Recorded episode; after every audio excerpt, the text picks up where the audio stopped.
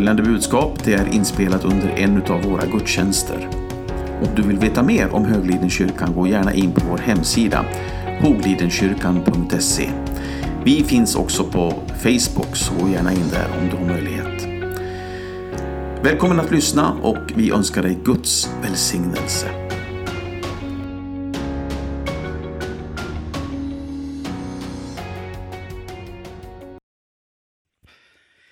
Ni,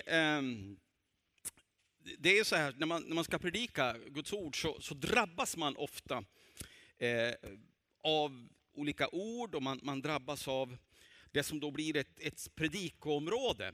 Och jag har ju berättat förut för er att jag får sällan en predikan, utan jag får ett helt område. Och då, då blir det ofta så att det blir ett antal eh, tillfällen då jag förkunnar om det ämnet. Och eh, det, det, det, blev så levande för mig inför den här hösten. Det är höst nu va? Inför den här hösten. Det finns ingenting större än frälsningen. Det finns ingenting som är större än frälsningen. Frälsningen är det absolut största, det starkaste som vi har. Ska vi ta fram den där bilden ja.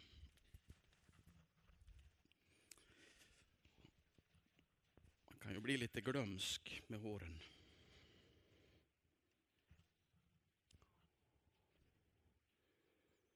Snart.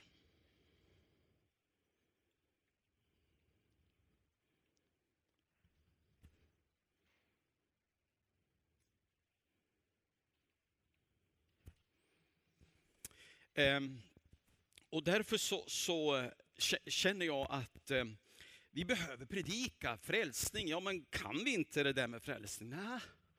Jag tror det finns områden som vi behöver lyfta fram och som vi behöver se på igen. Och eh, ni vet förra söndagen så, så konstaterade vi att alla behöver frälsning. En enkel sanning egentligen. Men, men eh, eh, viktigt ändå att lyfta fram. Alla behöver frälsning. Ingen står utanför behovet av frälsning. Utan alla behöver frälsning. Ingen kan säga inför Gud, jag har rent samvete, jag behöver inte din frälsning. Utan alla behöver frälsning, eller hur? Eh, ni vet omedelbart efter syndafallet, första Mosebok, tredje kapitlet, så startade Guds frälsningsplan. Eh, syndafallet bröt det här fina som Gud hade skapat med ska, i skapelsen, att, att leva i en obruten gemenskap med människan, så sker syndafallet och det bryter den här gemenskapen. Men omedelbart så börjar Gud arbeta med sin frälsningsplan. För frälsningsplanen och frälsningen återställer och återför oss in i ett rätt förhållande till Gud. Så den obrutna gemenskapen med Gud, den återupprättas i frälsningen. Så Gud har en frälsningsplan. Eh, och här finns det ju jättemycket att säga om, omkring det. Men då vet vi också att Gud gav folket, genom Mose, så gav Gud folket lagen. Är ni med på berget Sinai?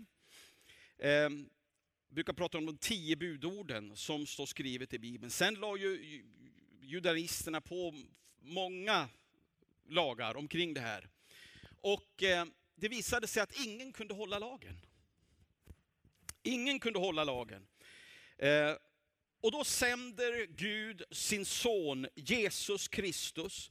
Och genom Jesu lidande, död och uppståndelse så skapas möjligheten till försoning, alltså till frälsning. Om människan själv vill. Om människan själv vill. Och då känner vi till också att för att få komma in i den här frälsningen som Gud har skapat, så eh, behöver vi bli födda på nytt. Och Nikodemus, så lärd han var, han begrep inte riktigt vad Jesus menar. Vad, vad menar du? Ska vi in i mammas mage igen och liksom födas på nytt? Och så får Jesus förklara för den lärde Nikodemus att det är en andlig födelse. Det är en födelse ovanifrån. Du föds inte på nytt som en, liksom en människa, utan du föds på nytt eh, i din ande. Din ande föds på nytt. Så det, det är en födsel ovanifrån. Eh, Gud sänder sonen Jesus Kristus. Och Nya Testamentet beskriver mycket, men beskriver också hur omöjligt det är för människan att bli frälst genom lagen. Det går inte. Och det här är en grundton i Paulus undervisning. Det är en grundton i det han beskriver. Eh, så det ska vi ta ett avstamp i här idag. Eh, vi kan inte bli frälsta genom att hålla lagen. Därför så är det förödande när du och jag som levande väckelsekristna blir lagiska. Eh, vi har ju sysslat med hårlängd och kläder och sådana här saker förr i tiden. Det håller vi inte på med längre. Men, men eh, det, det var en lagiskhet och jag skulle också vilja med en viss risk då, men, men, men det här med syndakatalogen. Det är klart att det finns synd och vi ska inte benämna synd med någonting annat än synd. Synd är synd, så, det, det, så är det. Men, men eh, det fanns ju också en syndakatalog. Om någon gick ut och rökte eller la in en snus så var de avfällningar. Och det är en för grundsyn på frälsningen. Det är för grunt. Kom inte mycket halleluja på det eller? Nu uppmuntrar vi inte varandra till, till eh, det ena och det andra, men däremot så, så uppmuntrar vi varandra att säga ja till Jesus. Amen. Vi kan alltså inte bli frälsta genom våra handlingar. Utan vi är alla beroende av Guds nåd. Vi är alla beroende av Jesu försoning på Golgata. Om vi då läser ifrån Romarbrevet, det tredje kapitlet och tjugonde versen. Står det va? Ja. Romarbrevet 3 och 20, då står det så här. Ingen människa förklaras rättfärdig inför honom genom laggärningar. Och så lägger han till någonting intressant. Vad som ges genom lagen är insikt om synd. Vad som ges genom lagen är insikt om synd. För det första, gärningar frälser inte. Paulus han skriver här med en underförståelse av eh, rättfärdighet och frälsning genom tro och inte genom lagen. Och det är ju en korrekt hållning, det är ju helt rätt, det är så det är. Och så beskriver han med en mening att syftet med lagen var inte att frälsa. Utan syftet med lagen, det var att ge oss insikt om att vi är syndare. Så, så på ett sätt kan man säga att lagen då, det blir liksom en slags käftsmäll på, på våra liv. Där vi inser, att jag är ju syndare. Jag behöver ju frälsning, jag behöver Jesus. Och därför så får vi aldrig hålla tillbaka den förkunnelsen. När vi förkunnar, när vi vill nå nya människor med evangeliet, så får vi inte hålla tillbaka just den här sanningen att du är en syndare, du behöver frälsning man behöver kanske inte säga det så, så, så frankt som jag gjorde nu, men, men, men människor får aldrig tro att man duger inför Gud utan att vara pånyttfödd. Då har vi lurat dem. Det är inte evangelium. Vi ska vara inkluderande, absolut. Vi ska välkomna människor.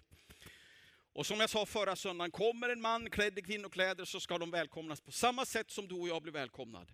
Vi tittar inte ner på människor. Däremot vet vi att det finns befrielse. Det finns befrielse. Men, men vi vill vara inkluderande. Alla människor som kommer ska känna värmen och att man är välkommen. Eller hur? Men de får aldrig tro att på grund av att jag kör aldrig för fort, jag går aldrig mot rött, jag hjälper gamla gubbar över vägen, jag hanterar mitt liv på ett väldigt bra sätt. Det räcker inte inför Gud. Du blir inte frälst genom dina gärningar. Så vi får aldrig bli så inkluderande, nu är det balansgång här, men vi får aldrig bli så inkluderande så att människor missuppfattar och tror att man duger utan pånyttfödelsen. Alltså man duger, förstå mig rätt nu, vi pratar om frälsningen. Amen. Nej men lite mer. Amen. Är jag en pingstkyrka eller vad är jag? Så syftet med lagen, det var alltså att ge oss insikt. Och det här är alltså Mose lag jag talar om. Det, det, det, de här buden som, som Mose fick på berget Sinai. Och de här tio budorden som, som judaisterna sen la till, massor av fler bud som de själva då inte ens klarade av att leva upp till. Så lagens syfte, det är att berätta för oss, vi är syndare. Och här finns det en slags process. Därför att ju mer vi lär känna lagens bud, desto mer förstår vi att vi inte håller vad lagen befaller. Vi klarar inte det. Lagen visar att vi har handlat fel och det för oss fram till en viktig insikt och det är utan Jesus, utan Guds nåd så är vi alla hjälplösa syndare. Oavsett om du håller hastighetsbegränsningarna så är det så. Utan Jesus, utan Guds nåd så är vi hjälplösa syndare. Men vi predikar frälsning idag. Vi predikar frälsning genom tro, av nåd. Allt i Jesus Kristus, vår frälsare. Eh, men när vi läser lagen, alltså när vi tar del av Guds ord, så visar den ju också vägen in i Guds vilja. Hur ska jag få veta vad Guds vilja är? Läs Bibeln. Här står det vad som är Guds vilja. Ja, men det står inte vad Guds vilja är för mitt liv, om jag ska gifta mig och så. Nej, men det är det att upptäcka tids nog. Det gjorde jag. Där sitter hon. Snyggast i klassen.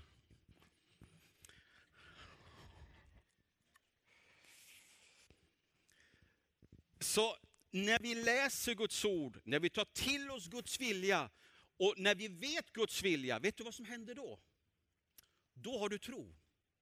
Tro, det är inte att veta att Gud kan. Tro är att veta att Gud vill. Så när jag tar, läser Guds ord, jag tar till mig vad, vad, vad, Guds ord säger, jag lär känna Gud, jag lär känna hans vilja, då skapas det tro i mig. Och i dig. Tro är att veta vad Gud vill. Eh, men sen är det ju så här, eh, den här lagen då som vi pratar om, den är inte, vi ska inte förkasta lagen. Det är inte evangeliet. Utan eh, offergärden, jag kommer in på det sen, offergärden och offerlagarna, de behövs inte längre. Men Guds morallag gäller ju självklart. Jag menar, vi mördar inte. Eller hur? Vi stjäl inte. Vi utövar inte ocker, vi, vi har inga andra gudar, vi lever inte otukt. Därför att Guds morallag gäller. Varför då? Jo, därför att det är Guds vilja. Det är Guds vilja. Guds ord visar oss vägen in i ett rent liv i Guds vilja. Ehm, ska vi gå till Galaterbrevet? Är ni med? Galaterbrevet 3 och vers 10. Men de som håller sig till laggärningar är under förbannelse. Det här var starka ord. Det står skrivet, förbannade den som inte håller fast vid allt som står skrivet i lagens bok och gör därefter. Det är citat ifrån eh, femte Mosebok. Och det, det jag ska tydliggöra nu, det kommer att skava kanske lite till en början. Men det är, det är alltså viktigt att se att vi inte kan frälsas genom lagen. Och det finns en koppling, som vi just har läst, mellan lagen och förbannelsen. Och med förbannelsen menar jag Guds dom. Om vi gör som judaisterna, Eh, förlitar oss på lagen för vår frälsning, om vi lägger lagen, det här, det här ska jag hålla, då blir jag frälst. Men så bryter jag mot ett enda av de här buden. Då ställs jag under förbannelsen. Det är vad som står Det står i, i eh, 5 Mosebok 27 eh, och 26. Förbannad är den som inte hedrar dessa bud genom att lyda dem. Usch. Hemskt. Är han så sträng? Ja, men vi har ju stått och sagt här att vi, vi, vi blir inte frälsta genom att hålla lagen. Eller hur? Så när man då läser det här att förbannad är den som bryter mot ett enda bud i lagen. När man då förlitar sig på lagen för sin frälsning. Då känner jag, jag är väldigt glad att jag inte behöver förlita mig på lagen för min frälsning. För jag brister. Och brister jag, då är det stor risk att du också gör det. Jag vill ju inte vara fördömande. Utan vi får bara säga ja till Jesus. Så det, det är evangeliet. Vi får säga ja till Jesus, vi får ta emot frälsningen genom nåd. Du och jag, vi får kasta oss på Jesus idag. Vi får det. Han frågar inte vad du har för eh, längd på håret eller hur perfekt du är som människa. Han är inte helt ointresserad av det. Utan när vi kastar oss på Jesus, då tar han emot oss. Och så bär han oss genom livet. Livet med Jesus, vet ni, det är underbart. Amen. Så det är inte på grund av det vi har gjort. Titus kan vi läsa. Det bläddras inte så mycket. Har ni appar allihop? Ja, just det.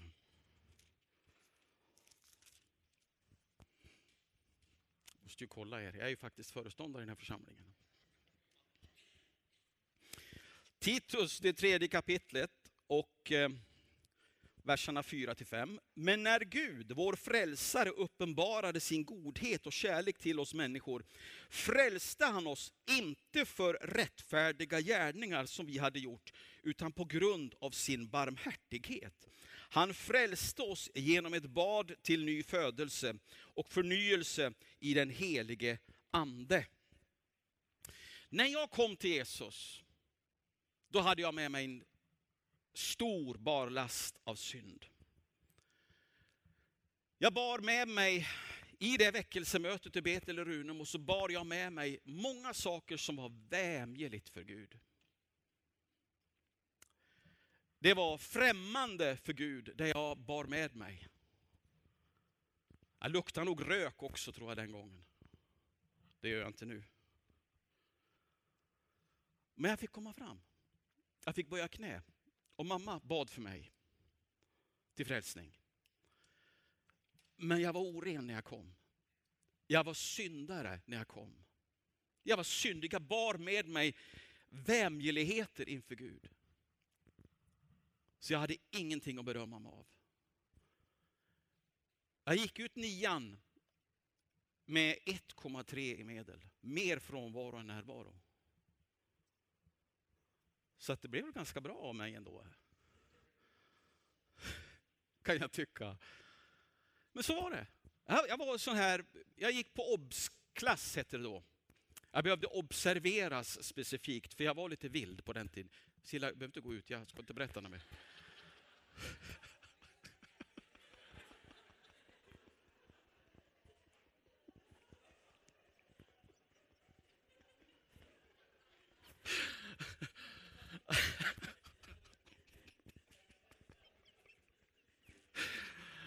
Ja, det är gripande. Men så här var det, jag var en syndare när jag kom till Jesus. Jag var oren. Men trots att jag var oren så sökte han mig. Jag har varit med om tillfällen då jag har kommit hem efter en festkväll, lindrigt nykter. Och Gud har talat till mig. Gud har liksom kallat, kom ihåg Gert-Ove att jag söker dig. Du har en kallelse på ditt liv. Så jobbar Gud. Så jobbar Gud. Han söker oss när vi som minst anade, höll jag på att säga. När vi som minst var värdiga, då söker han oss. Jag var oren, men han sökte mig. Jag levde i synd, men han sökte mig. Jag hade vänt honom ryggen, men han sökte mig. Han sökte mig. Jag kom inte med de här fina betygen från skolan. Jag kom inte ens med rättfärdiga gärningar. Jag kom inte med sånt som gav mig poäng inför Gud. Jag var bunden. Jag var oren, jag var smutsig, men jag fick komma. Jag fick komma. Och det är det evangeliet vi ska predika. Vi får komma. Jag kunde inte ta emot frälsning genom min godhet, för jag var inte god. Men jag kunde ta emot frälsningen genom Guds godhet och Guds nåd. Gud uppenbarade sin godhet, läste vi. Hur gjorde han det då? Ja, på många sätt. Gud blev människa. Jesus blev född som människa utan att upphöra att vara Gud. Ett mysterium, det där begriper vi inte. Men så är det. Eh, sonen blev sänd av Fadern för att genom sitt lidande och sin död betala priset för människors frälsning. Vi får aldrig bli luddiga när det gäller evangeliet om frälsning. Vi får aldrig hålla tillbaka det budskapet. Varje människa behöver frälsning och vi blir frälsta av nåd. Sonen blev sänd av Fadern och inte för en sekund för att vi hade förtjänat eller att vi var så goda, men på grund av Guds barmhärtighet. På grund av sin barmhärtighet så visar han nåd och kärlek till oss. Han föder oss på nytt och han renar oss. Han renar vår tanke och vår vilja genom frälsningens bad. Underbart. Orkar ni en punkt till? Det är en lång punkt. Men det är så viktigt också att säga att inga offer behövs. Inga fler offer behövs. Och nu behöver, du behöver inte förstå fullt ut det jag nu säger. Men lyssna och ha förtroende för, för det jag säger. Eh, jag ska repetera. Guds morallag har inte upphört. Offergärden har upphört. Men den som säger, lagen som säger att vi ska inte döda varandra, vi ska inte ha begärelse till det som hör till min nästa, eh, vi ska hedra varandra och så vidare. Den lagen, som vi kallar för morallagen, den gäller. Den har inte upphört. Men när Jesus dör på korset och utropar, det är fullbordat. Då händer det någonting i templet. Vad är det som händer i templet då? Ja, förlåten rämnar mitt i ty. Ett tjockt tygstycke mellan det heliga och det allra heligaste. Det rämnar mitt i tu. Det var ingenting som man klarade av att riva av sådär, utan det här var ett tjockt tygstycke. Och det var en, en, en hälsning ifrån himlen. Nu är vägen in i det allra heligaste öppen för var och en. Det är öppet nu, vi får gå in dit. I Guds omedelbara närvaro. Och i den stunden det sker, då upphör templet att ha sitt värde. Då behövdes det inga fler offer. Man diskuterar, ska det byggas ett tredje tempel Jerusalem? Jag har inte läst på så jättemycket om det. Eh, men vad jag, vad jag kan förstå, det är att från Guds sida sett så är han inte så jätteintresserad av ett tempel. Det behövs inte. Här är templet. Där är templet. Där är templet. Gud bor här. På insidan. Amen. Så eh, Hebreerbrevet 9.9 säger att gåvor och offer kan inte rena samvetet hos den som offrar. Jesus Kristus blev alltså det ultimata offret för vår synd. Han är lammet vars blod rann på Golgata för att sona vår synd. Inga gåvor, inga offer frälser dig, bara genom att säga ja till Jesus. Så när Jesus, Guds son, från att ha varit ett offerlamm blir en överste präst, bär in sitt eget blod inför Fadern i tronrummet, ställer ner det, billigt talat nu. Och så säger han, det kommer flera. Gert-Ove Liv kommer att komma. Bengt Jonsson kommer att komma. Janne Fagerström kommer att komma. Katti kommer att komma. Amani kommer att komma. Det kommer att komma många. Därför att jag har betalat priset. Mitt blod renar ifrån all synd. Jag tror då log både Fadern och Sonen i himlen. Då hade han betalat priset för frälsningen. Mänskligheten kan frälsas. Det är mitt blod, säger han, som betalar priset. Det är mitt blod som frälser människan. Halleluja. Så det kommer flera. Så vad är det för dag idag nu? Det är frälsningens dag. Det var igår och det blir imorgon. Om vi får uppleva morgondagen. Idag är frälsningens dag. Så har du inte Jesus i ditt hjärta, då är det hög tid. Då ger vi ett erbjudande här mitt i vår gudstjänst. Välkommen till Jesus.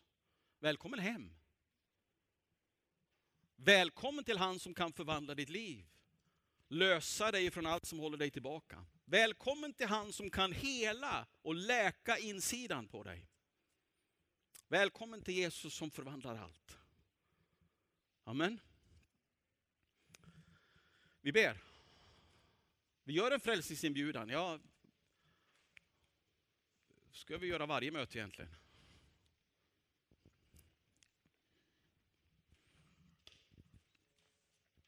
Herre, jag tackar dig för din närvaro idag. Tack att vi får förkunna frälsningen. Åh Jesus, tack för frälsningen. Tack att jag fick komma. Tack för mina syskon som fick komma. Vi fick säga vårt ja till dig, ta emot frälsningens stora gåva. Inte på grund av vad vi hade gjort, utan på grund av din nåd. På grund av din kärlek, på grund av din barmhärtighet. Och Herre, jag tackar dig för att du är den som också vill frälsa idag, upprätta, hela och läka. I Jesu namn. Det grekiska ordet för frälsning, sozo, det betyder eh, pånyttfödelse, det betyder helande, det betyder läkedom för hela din tillvaro, hela din kropp, hela din varelse. Det betyder ekonomisk upprättelse. Det ordet innefattar så mycket. Allt det gör Jesus för dig och mig. Vi fortsätter att vara i bön och så tar ni med oss i någon lovsång. Inbjudan har gått ut. Vill du komma, vill du få förbön så välkommen fram.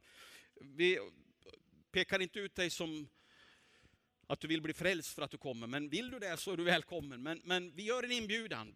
Kan vi stå upp tillsammans och så förebedjare träder in och så är vi i tjänst nu, vi betjänar varandra.